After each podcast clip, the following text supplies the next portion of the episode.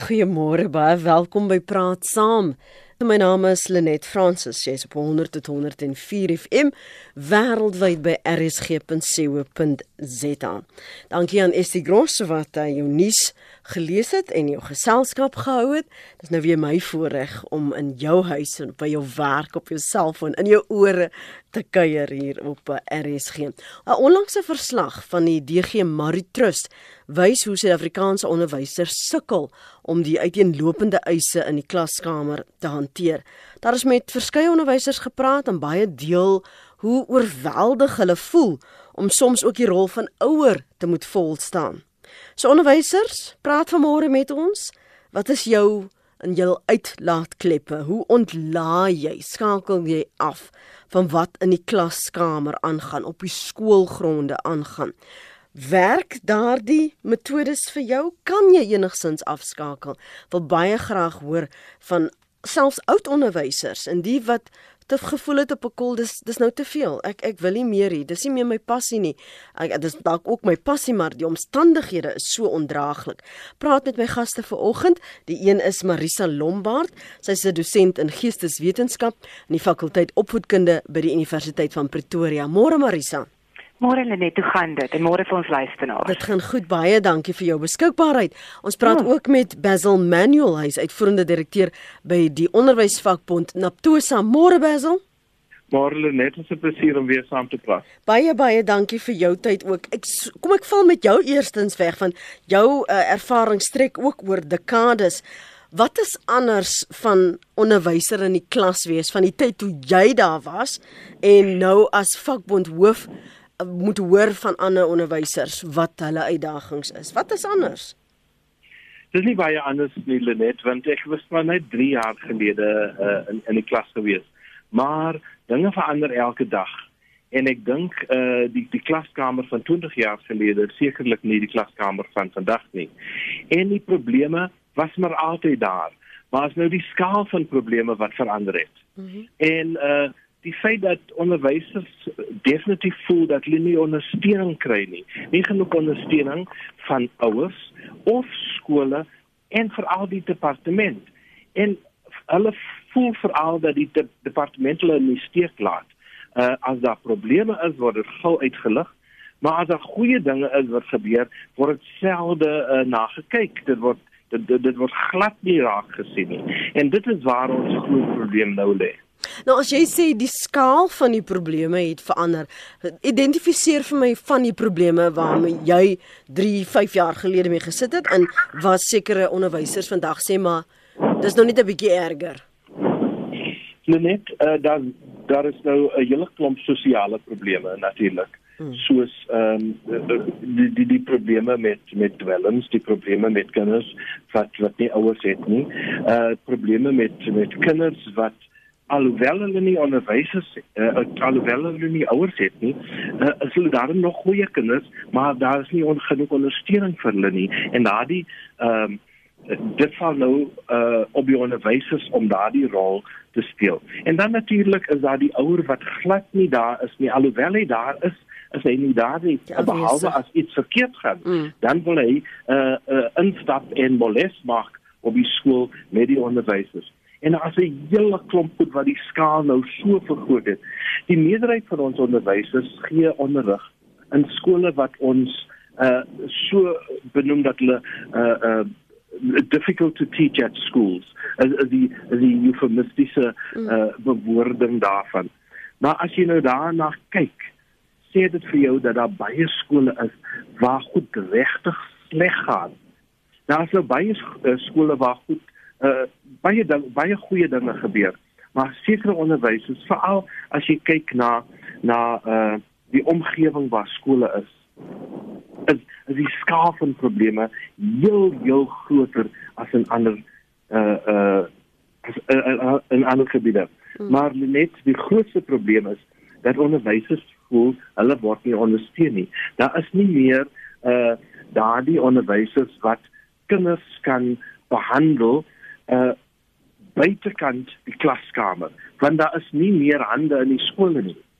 Hmm, wanneer nie ou wel baie ou daar, het jy ten minste gehad 'n geval waar die onderwyser die die ouer kon bel of sê ek gaan net gou na klas 'n draai maak by die huis, dan klim hulle in 'n kar en hulle ry tot daar en gaan sê maar nou die kind was vir 5 dae nie op skool nie.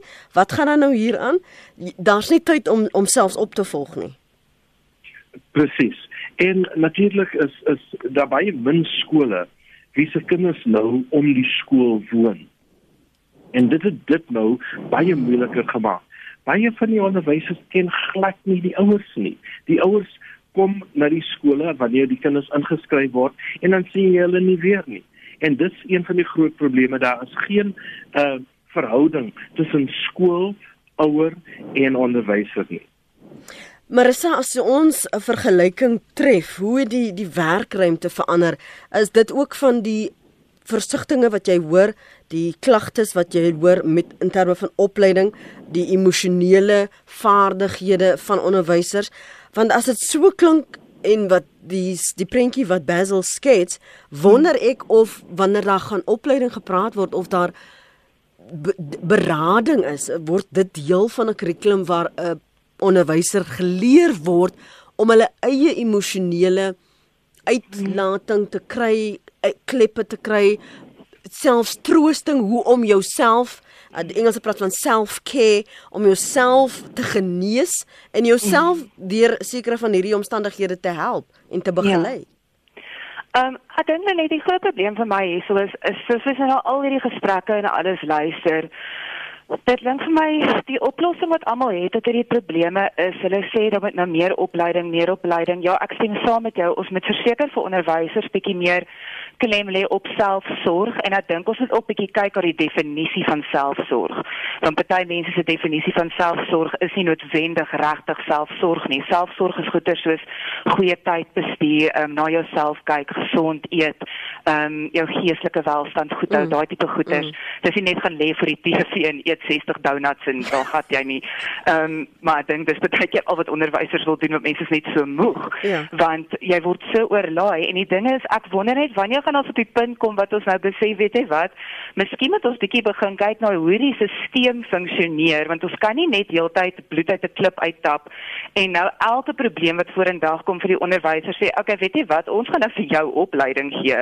En dan moet hulle nou maar net met dit werk, maar ons werk nooit aan die die ehm um, oorspronge van hierdie probleme. Ons kyk nooit na die stelsel en soos wat Basil nou gesê het, daai ondersteuning van die ehm um, van die staat wat net nie gebeur nie. Daar is nie genoeg hande nie. Daar is nie genoeg mense nie. En ons kan nou vir onderwysers die beste strategie gee vir selfsorg en uitlating en goeters, maar ek sê nou vir jou, ek dink onderwysers lag hulle self dood as hulle hierdie hoor want ek dink hulle wonder wanneer, ja, wanneer moet hulle ja, dit doen? Want ja. daar is nie tyd vir dit nie. So ek dink mense moet maar kyk na albei kante nou hoe kan mense hulle voorberei, maar mense moet regtig ook nou begin kyk van hoe gaan mense hierdie lading vir die onderwysers dalk meer hanteerbaar maak? Dat mense nie heeltyd net hierdie krisisbestuur hoef te doen en heeltyd net hoef reg te maak wat heeltyd breek nie. Ek ek wil ook op daai punt dan vir jou vra dat jy is dit 'n geval waar onderwysers so besig is met krisisbestuur dat daar minder tyd is in die klaskamer om klas te gee. Ja, presies. En ek het ook juist toe ja. ehm um, in my gekontak het nogal met 'n paar van my onderwysvriende ook gepraat en net gevra. En meeste van hulle sê die administrasie wat gepaard gaan met alles. Ek meen daar's onderwysers wat byvoorbeeld het om vir hulle 'n bietjie 'n idee te gee. Jy kry onderwysers wat sê nou maar een vak aanbied, maar dan gee hulle daai vak vir sê nou maar graad 8, 9, 10, 11 en 12. Nou vir daai dan is dit sê nou maar 'n groot skool, dan hulle sê nou maar ehm um, een klas van elk of een tot twee klasse van elk. Vir al daai klasse verg die departement baie keer vir sekere vakke dat jy elke week 'n klastoets klastoets skryf wat jy self opstel en self merk. Dan moet moderasie plaasvind, verskillende vlakke van moderasie vir klastoetse vir formele toetse. Daar's dan nog jou informele assesserings wat tussen inkom ook om die kinders voor te berei vir die formele assesserings. Daar's nog pad assignments, daar's nog eksamens, dan is daar nog nie eers sprake van die emosionele probleme wat die kinders deurgaan nie. So daar is eenvoudig net nie tyd vir onderwysers met hulle vol kurrikulum met hulle werkslading om eintlik uit te kom by wat hulle moet uitkom nie. En enige onderwyser het, ek dink die mense gaan gaan swat onderwys noodwendig en hulle dink nou hulle gaan ryk word. Die ons almal weet dis nie die geval nie. Dis as ons met studente hierso praat en vra hoekom word jy 'n onderwyser? Is almal se antwoord in die lyn van ek wil kinders help, ek wil kinders onder, ondersteun, ek wil hulle inspireer. En wat gebeur is die stelsel is net so oorweldigend dat onderwysers nie by hulle eintlike passie uitkom nie. Ehm um, En so baie my so mooi gesê het ook daai verhouding tussen ouer en onderwyser. Ek glo ook dis 'n sistemiese ding. Ehm um, as hulle my nou nou kan sien as as hulle daaroor wil praat, maar uh, hoe dit 'n siklus is van onderwysers dan meer ouers, ouers dan meer onderwysers en dis net 'n siklus wat aangaan en Die CAPS kurrikulum is verskriklik vol. Dit beteken onderwysers gee meer huiswerk, dit beteken daar's meer akademiese verantwoordelik op die uh, verantwoordelikheid op die ouers by die huis. Baie van die ouers is nie in staat om daai ehm um, ondersteuning te bied nie. Mm. En nie eers te praat dan van die kinders wat nie eers van uh, ouers het om hulle te ondersteun nie. So ek dink ons ons gaan vanoggend ook hopelik van 'n paar ouers hoor um, mm. en, en ook wat ek graag wil hê ons moet probeer verstaan is waar dit werk en wat ons uit daardie prosesse kan leer waar dit nie hierdie stremming in inspanning is die heeltyd soos wat jy sê hierdie blaam siklus nie uh, en en of dit werk omdat daar minder kinders in die klas is of of dit werk omdat daar 'n skoolhoof is wat betrokke is waarom werk dit by sommige skole en waarom is dit net hens op by ander skole dis 18 minute oor 8 die gaste van môre is Marisa Lombard en Basil Manuel jy's baie welkom om saam te gesels vir alles jy 'n kind in die, in 'n skool het. Um waar werk dit? Waar werk dit nie? Wat doen jy as ouer om wel vir onderwysers te onderskrag om vir hulle te help met hierdie siklus van ons kon nie by als uit nie. Ons moet die, die opleiding kry en daai opleiding kry. En aan die einde van die dag is hulle verlelle, hulle is pe, hulle is moeg. Hulle kan nie meer aangaan nie. Hulle moet afgeboek word. Dion het vir ons gebel. Môre Dion. Hallo Lenet, ja, my storie is waarlik 'n riller hoor. Ek sê nou vir die dametjie ek wil jou eintlik vra dat ek en jy 'n boekie in afskryf wat ons bietjie oor hierdie onderwerp vir die mense van Suid-Afrika so bietjie kan vertel wat werklik aangaan, jy weet, maar dit is nou nie deel van die onderwerp nie. Maar kom ek lig jou vinnig in. Lenet, ja, ek het in 87 begin skole. In 2011 was ek in sodanige volatiele persoonlikheidskonflik met 'n skoolhoof gemoei uh dat ek 'n senuwee ineenstorting gehad het. Ek was 'n jaar af siek geboek. Ek het op eie versoek omdat ek na die tyd al 'n uh, gesloute departement so was vir die onderwysdepartement gesê, "Man, asseblief, ek sal hierdie ding regkry." gee my 'n kans redeploy my. Hulle het dit toegestaan. Ek moes eintlik by die distrikskantoor gaan sit dit van dag tot dag en dan weer terugkeer. Ons het nie daai roete gevolg nie. Om 'n lang storie kort te maak, dit het uitstekend gewerk. My aanvanklike medikasie was 2500 mg per dag. Ek het ons gedoen by 'n ander skool, bla bla bla, en dit was nie lank daarna nie en ek en was weer in 'n situasie gewees waar nie die normale stres van die klipstaat homself en die verpligtinge en die oorlading van die werk op sigself mm. uh, uh, uh, my geknak dit nie.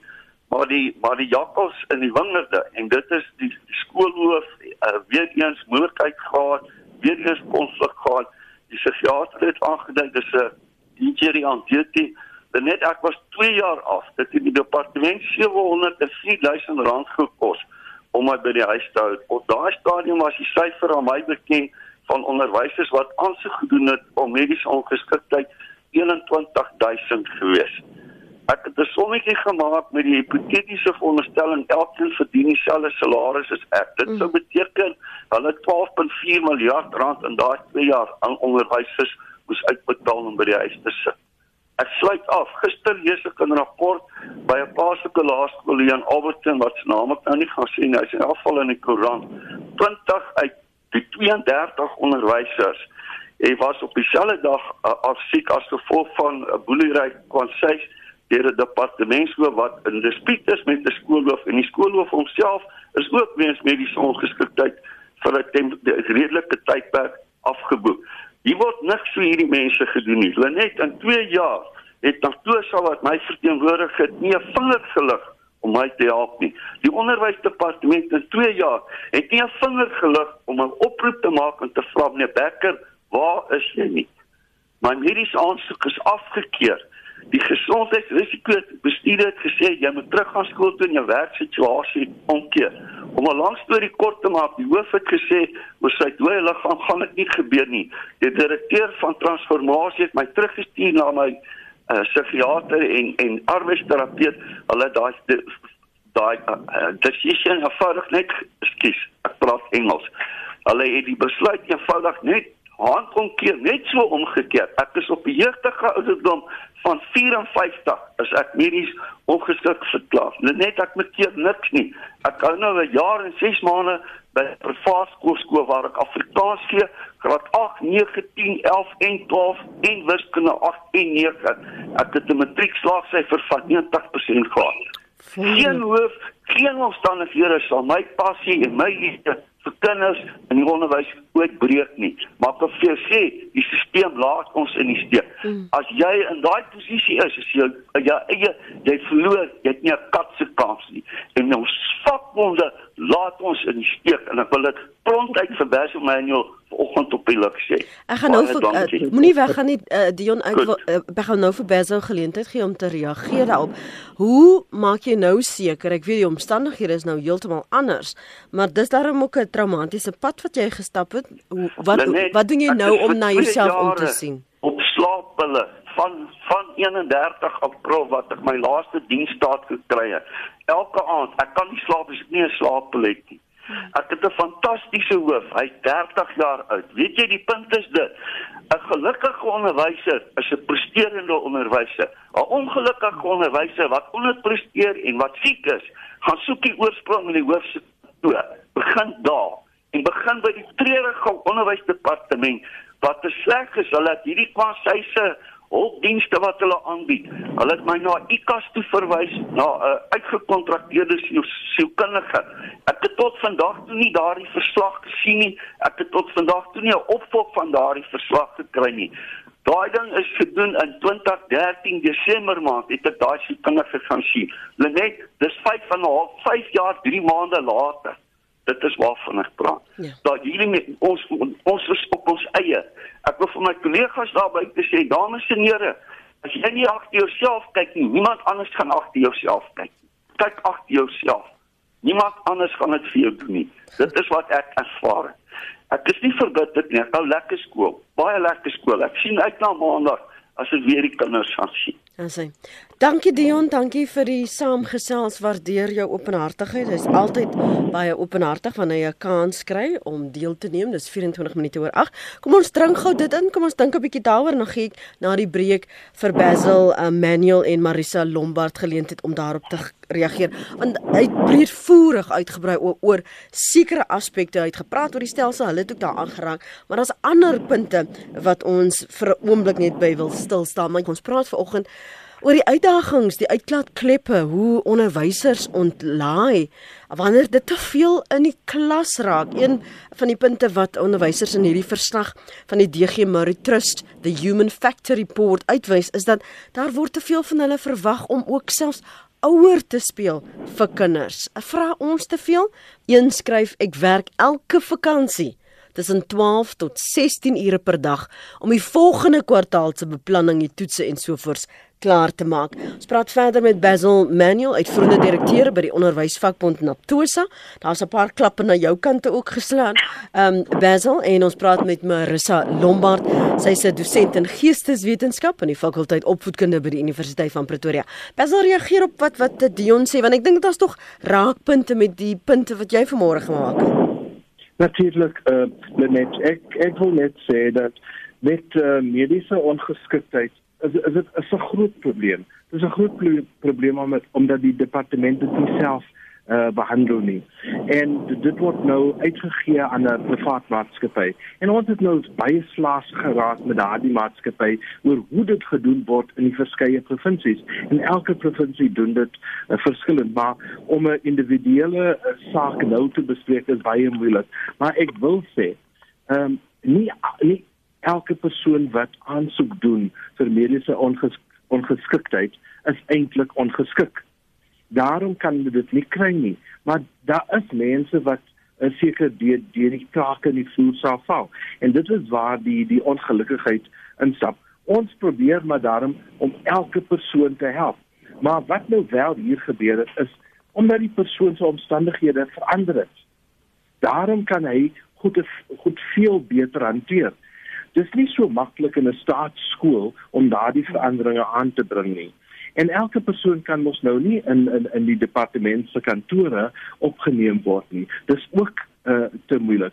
Maar ek wil sê dat daar baie baie onderwysers is wat nie meer die skool kan hanteer nie, waar die stres te veel geword het en daar's baie meer onderwysers wat nou in die uh, wat nou tou staan om te probeer probeer om die beroep te verlaat en ons probeer dit ook nou 'n bietjie 'n uh, stop te sit daaraan om vir hulle te sê kyk man laat ons die probleme regmaak hier eerder maar so waarlik net ek glo nie dat die stelsel onderwysers reg ondersteun nie en dis nie net een ding nie mm -hmm. as kinders nie ondersteun word nie, kan die onderwyser nie ondersteun word.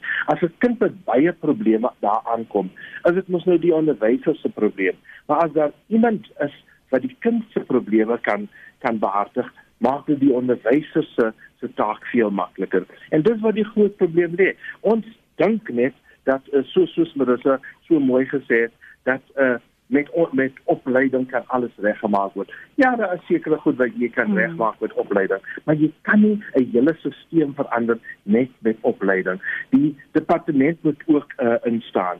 Die die provinsies moet, moet ook daar kom en die skole, hoofde as ook ons onderwysers moet ook ingryp. Marisa, uh, veral uh, praat met my op benewens die feit dat jy gereageer op wat Deon gesê het oor hierdie hulpdienste. In hoe verre is dit regtig toeganklik? Kom daar iets van die aanbevelings wat gemaak word? Dit klink vir my Dion moes op sy eie maar regkom en en sy regmaker was toe nou maar om ek sê tog om op op, op hierdie pille slaap hulle te bly want dis die enigste manier hoe hy van dag tot dag tot dag gevorder het. Ja.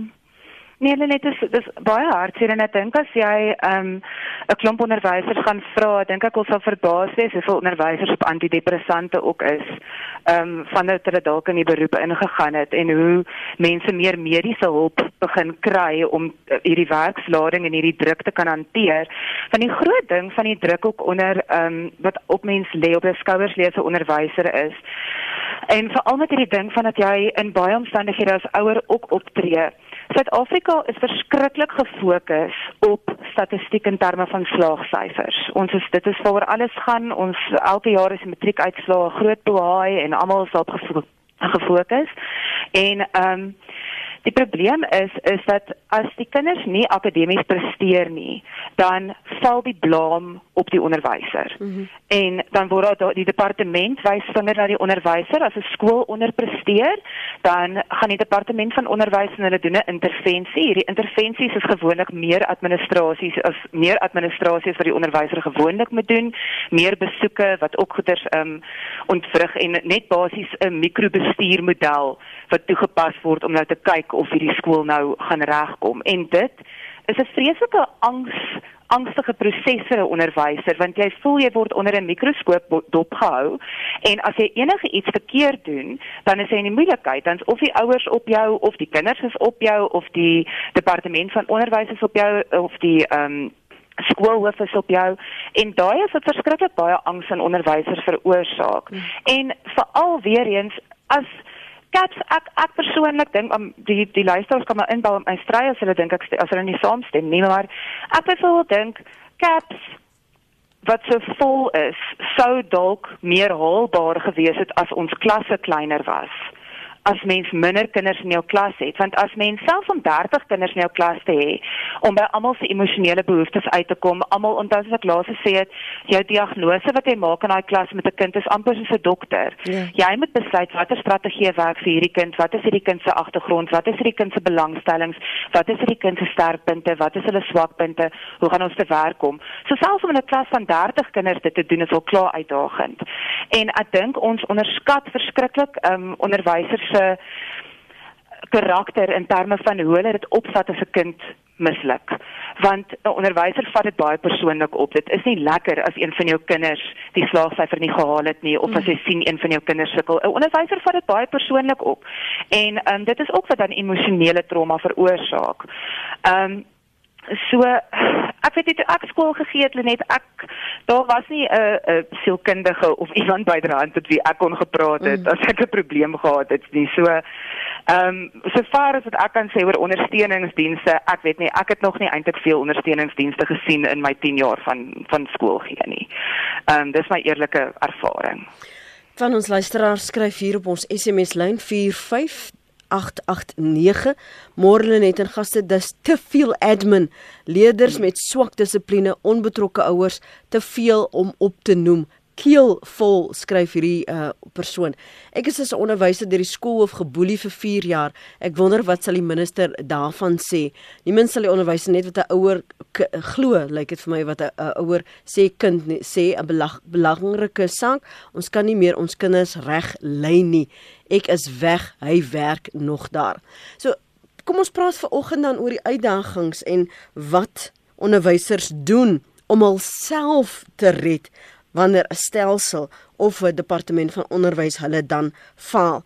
Jy sê as daar intervensies is, as dit net nog meer werk wat verwag word en verlang word, is ja. dit hoekom ons so baie van die onderwysers vra, versoek, boek my net af dat ek liewer gaan gesond word by die huis. Want dit is wat ja. waarop dit neerkom Marisa. Ja, dit is vir ons regtig wat gebeur net want mens kan dit nie meer nie. En die ergste van alles is baie onderwysers kan hiervoor ook gaan sodra jy in 'n uitbrandfase ingaan. Is daar baie keer hierdie houding by sekere skole van ag eerlikheid jy sit nou maar net aan. Jy sit nou maar net aan, jy's nou nie regtig siek nie. Is amper asof mens nou ondervraag ook word as jy siek is, jy moet half nou bewys dat jy nou siek word. So, en ek dink ook daai ding van daar's ook skole wat soos wat die ehm um, luisteraar nou gesê daar's 'n geboelie deur die skoolhoof. Baie skoolhoofde gebruik ook hierdie sielkunde van jy as onderwyser is vervangbaar. En ah jy is nie eintlik spesiaal nie. Dit wat jy bydra, weet jy wat ek het 'n hele pak CV's hier so in my kantoor. Jy kan maar loop. Dis dis dis reg. Jy kan maar gaan en dan werk dit op daai sielkunde van ek is nie genoeg nie.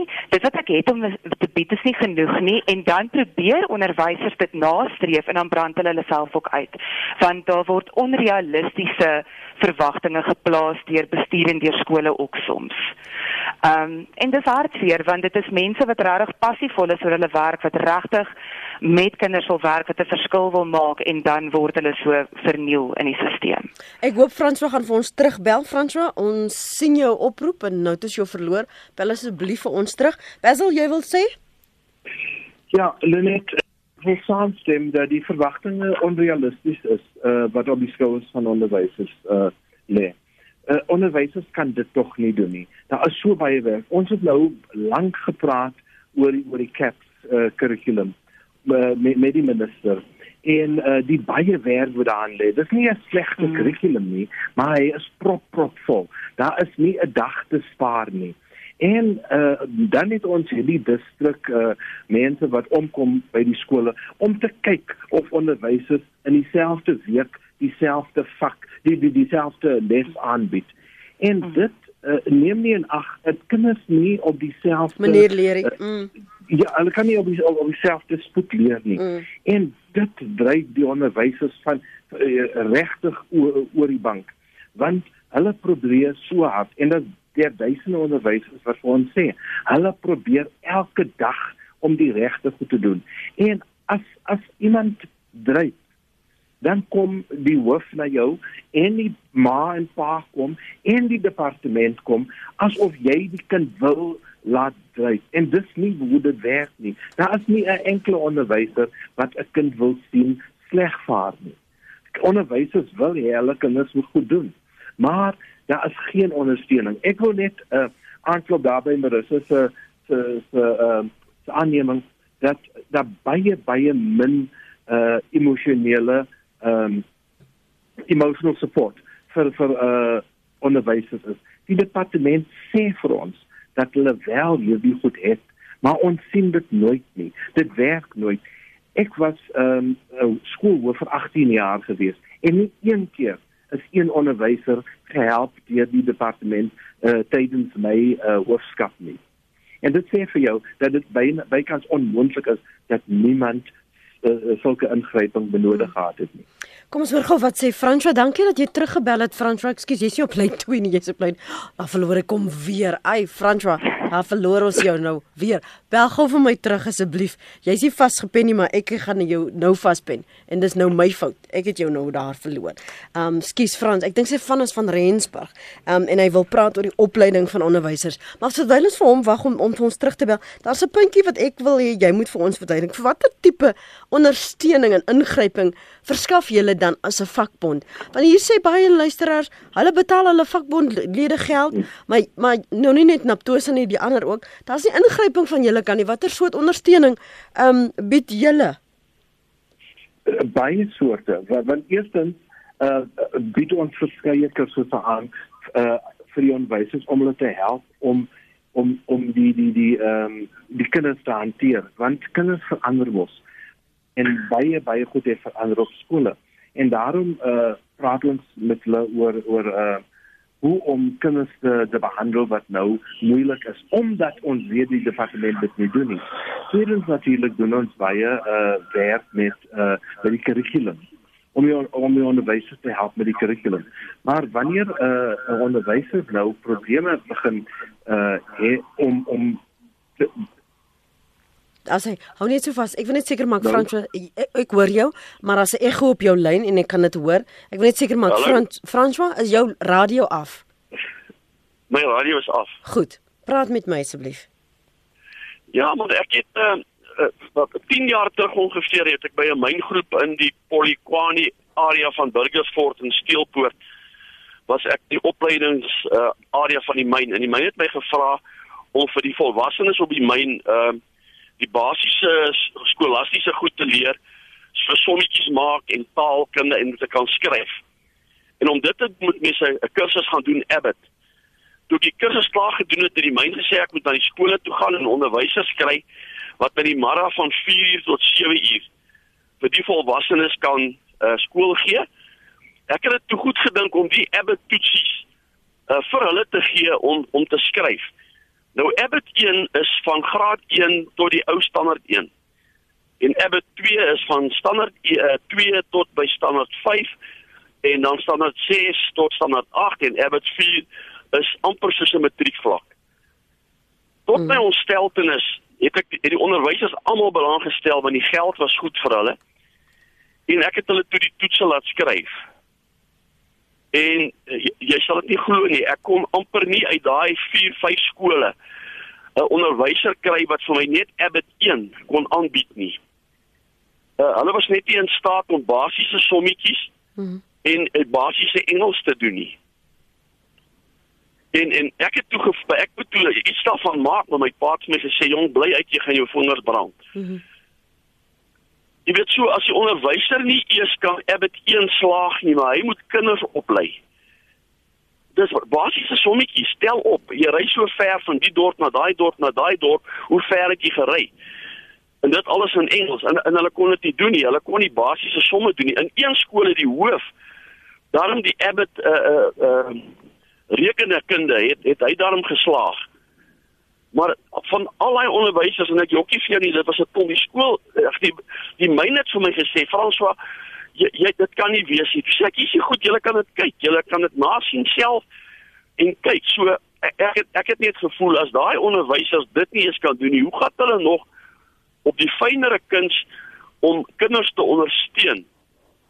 Uh ehm uh, daai kinders kan ondersteun en goed soos sielkundige goed en goed wat verkeerd is by die huise. Ja. My eie pa was 'n onderwyser uh, baie jare terug op die Fakkel Hoërskool. En en hy lewe vandag nog en weet jy uh, in in Januarie het die 64 matrikulante vir hom 'n spesiale ding gedoen. So mal was hulle oor hom as 'n onderwyser. En en uh, ek voel net daai tipe verhouding moet daar wees tussen kinders en en hulle hulle onderwysers. Hmm. Dankie dat jy teruggebel het. Waardeer dit François dit twee goed wat ons moet by stil staan. Uh, ons kan nou praat oor die verhouding en die feit dat onderwysers die vesel is in die samelewing. Um, en julle albei gesê het dat daar bestaan net nie daar is nie tyd om hierdie verhoudinge te bou nie. terugkom na die vlak van opleiding wat onderwysers wel kry. Uh, Amarissos begin by jou en dan kan Basil voortgaan. Um, ek net dink dis 'n ander ding ook hierdie werkswinkels wat aangebied word vir onderwysers om hulle nou te bemagtig en versterk en goeie is wat hulle nou met caps en elke keer as die kurrikulum verander.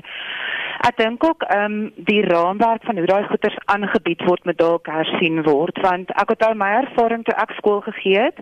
As ek nou moet gaan na 'n werkswinkel toe, nou gaan ek na 'n werkswinkel toe, dan sit ek daar vir 3 dae en dan is dit iets wat dit was ek nou vars by die universiteit uit en dan is dit nou iets wat ek nou al klaar weet sodat dit vir my dan baie keer gevoel soos 'n mors van tyd.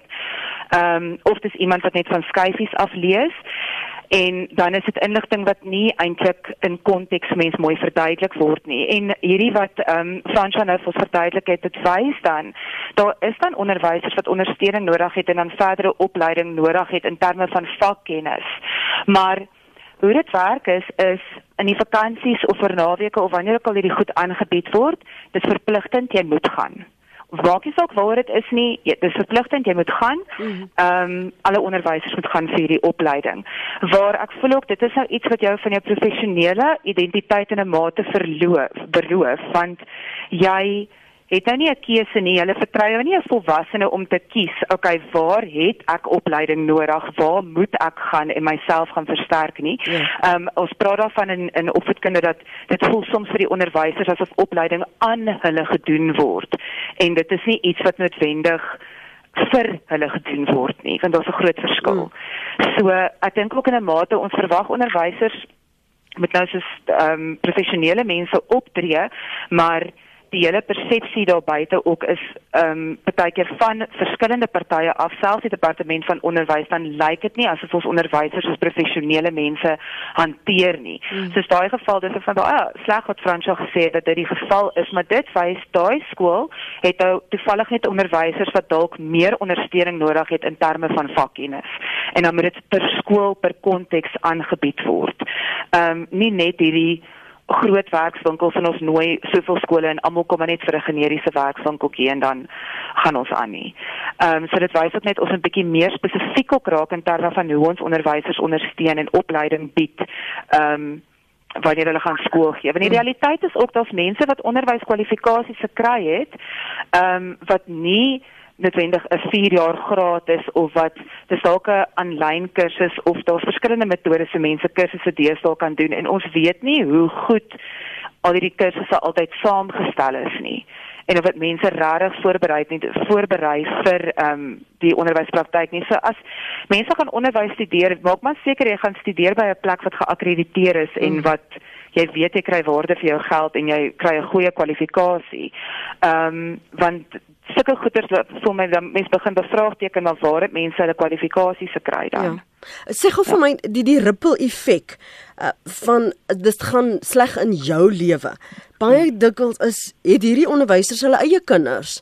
Hulle hmm. hulle het hulle huwelike wat ja. lê onder die stres want hier gaan jy al weer op 'n kursus wanneer moet ons aan vakansie hou? Of soos een luisteraar gesê het werk tussen 12 tot 16 ure tydens die vakansie om volgende kwartaal voor te berei. Presies Nee, dit is dis baie dis, en dis die ding ek wonder net as as ons dalk het uh, jy maar dis seker ek leef seker 'n vreeslike idealistiese wêreld nou maar dan dink ek het, kan ons net vir vir onderwysers as professionele mense dalk hierdie geleentheid gee om meer 'n keuse te hê in wat hmm. hulle verder gaan swat nie. Wat van as mense onderwysers die geleentheid gee om honeursgrade of meestersgrade te gaan doen om navorsing te gaan doen oor dit wat hulle mee sukkel in hulle klaskamer. Want dis een van die redes vir navorsing hoekom mense dit gaan doen verder is om te verstaan hoe om jou situasie te verbeter. Byvoorbeeld vir iemand die geleentheid te gee om iets verder te gaan swat, ehm um, is my meer waardevol as om vakansies om te gebruik vir werkswinkeltjies en goederes wat van 8:00 die oggend tot 5:00 die aand toe is mm. vir hulle week. En dan is dit ook iets wat hulle bietjie meer in hulle eie vrye tyd kan beplan want soos jy sê ons het ons eie families, ons eie huwelike, ons eie lewens. Ehm um, maar skool gee neem net alles oor want terwyl jy by die skool is, jy stap by die skool in, dis personeelvergadering, vierkant, voldagklas, sport, kom by die huis, merk, beplan. Daar is nie tyd vir jouself nie. Mm. Basil Ja, Lenet, ek wil ek wil saamstem dat seker daar daar sekere gapings in opleiding is. Mm -hmm. Nie omdat die opleiding sleg was nie, maar mm. omdat uh, elke ieder instansie hulle eie goed doen met die opleiding van onderwysers. So onderwyser ja. is nie onderwyser nie. Uh, elkeen verander uh, elkeen is verskillend liewer uh, omdat hulle op uh, verskillende instansies opgelei is. Ja. Maar uh, soos ons dit nou ondervind. Sodra ons dink dat ons onderwysers opgelei is en dat ons nou 'n goeie groep onderwysers het, staan ons en ons kyk terug, dan het baie ander dinge verander. Vandag as ons nou terugkyk, sien ons dat almal nou oor die 21ste eeu se vaardighede praat. En as ons na ons Suid-Afrikaanse onderwysers kyk, is daar baie min van hulle wat nou reg is vir die 21ste eeu se vaardighede wat ons aan die uh, kinders moet leer. En daarom sê ons dinge verander al die tyd en opleiding moet al die tyd gebeur. Maar die metode van van uh opleiding uh of of hierdie werkswinkels moet ook verander want hulle het nou dieselfde gebly oor die die laaste 50 jaar. Ja. En dit kan nou nie so aangaan nie. So ons het groot probleme wat aankom omdat dinge so so gou begin verander. En dit verander elke dag is daar nuwe goed wat wat aangeleer moet word. Ek wil ek wil aanvaar dat ons werk nooit gedoen sal wees nie. Uh dit sou nou 'n uh, goeie ding wees as ons elkeen kon neem en hulle kon kies wat hulle moet doen. Maar natuurlik kan die departement dit nie doen nie.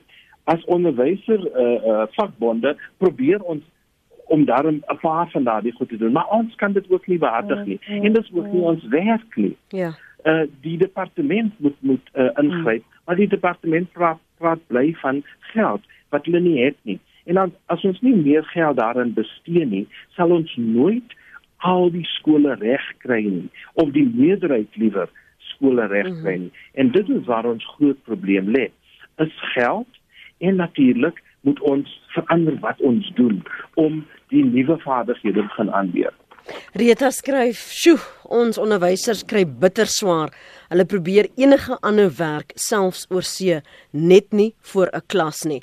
En dan nog 'n luisteraar wat sê: "My dogter is by 'n skool in Delf op die Kaapse vlakte met 42 kinders uit arm bende getuisterde huishoudings met geen assistent nie." Ehm um, sy is 'n sielkundige onderwyser, die onderwysers nou sielkundige onderwysers, die administrasie plaas geweldige druk op onderwysers. Ons tyd is besig om ons in te haal. Ek gaan nou net so vinnig vra vir Pieter om om sy punt te maak sodat ons twee gaste vanmôre kan opsom. Pieter, praat met my. Hallo uh, net uh, ja man, ek net twee puntjies optel. Weet jy wat die paslegging uh vir die kinders van uh die vakke wat lê het. Daar's so min tyd daarvoor. dat ehm um, jy die kinders wat sukkel regtig waar die vaslegging kan doen nie want dit is heeltyd dat hulle die uh, curriculum moet uh, handhaaf uh soos wat jy al reeds genoem het. Ja. Dis die een ding, die vaslegging van die kinders en die ander ding is die onderwysers is so oor oorlaai met werk wat hulle moet huis toe vat om by die huise te gaan werk dat hulle nie eers 'n gesinslewe het vir hulle self nie. So en ek is ek het 'n besigheid waar as my mense oortyd werk, dan moet ek hulle oortyd vergoed en onderwysers kry dit nie. Kry dit glad nie en jy kan nie sê dat die vakansies daarvoor opmaak nie. Mhm.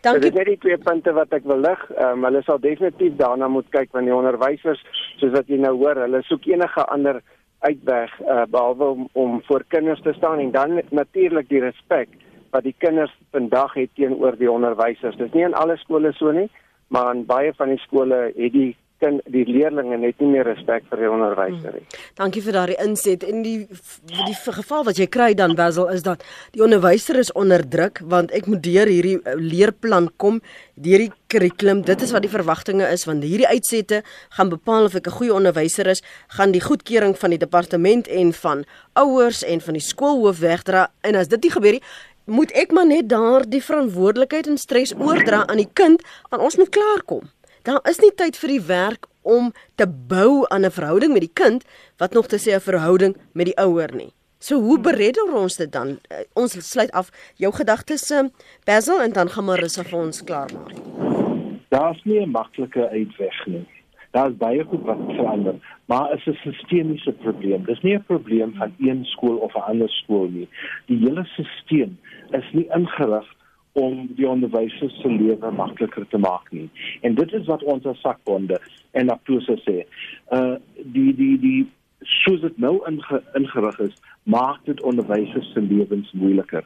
Ons het mense nodig. Ons het sielkundiges nodig in ons hmm. in ons skole. Ons het 'n uh, ander soorte opleiding ook nodig om die nuwe goed aan te leer. En as, as ons dit nie reg kry, as ons die stelsel nie ver, kan verander nie, dan sit ons met die probleme 10 jaar van nou af. Marissa Ehm um, ag net 'n klein gedagtetjie net iets vir ons luisteraars. Ek het vir hulle um, almal moet van kennis neem.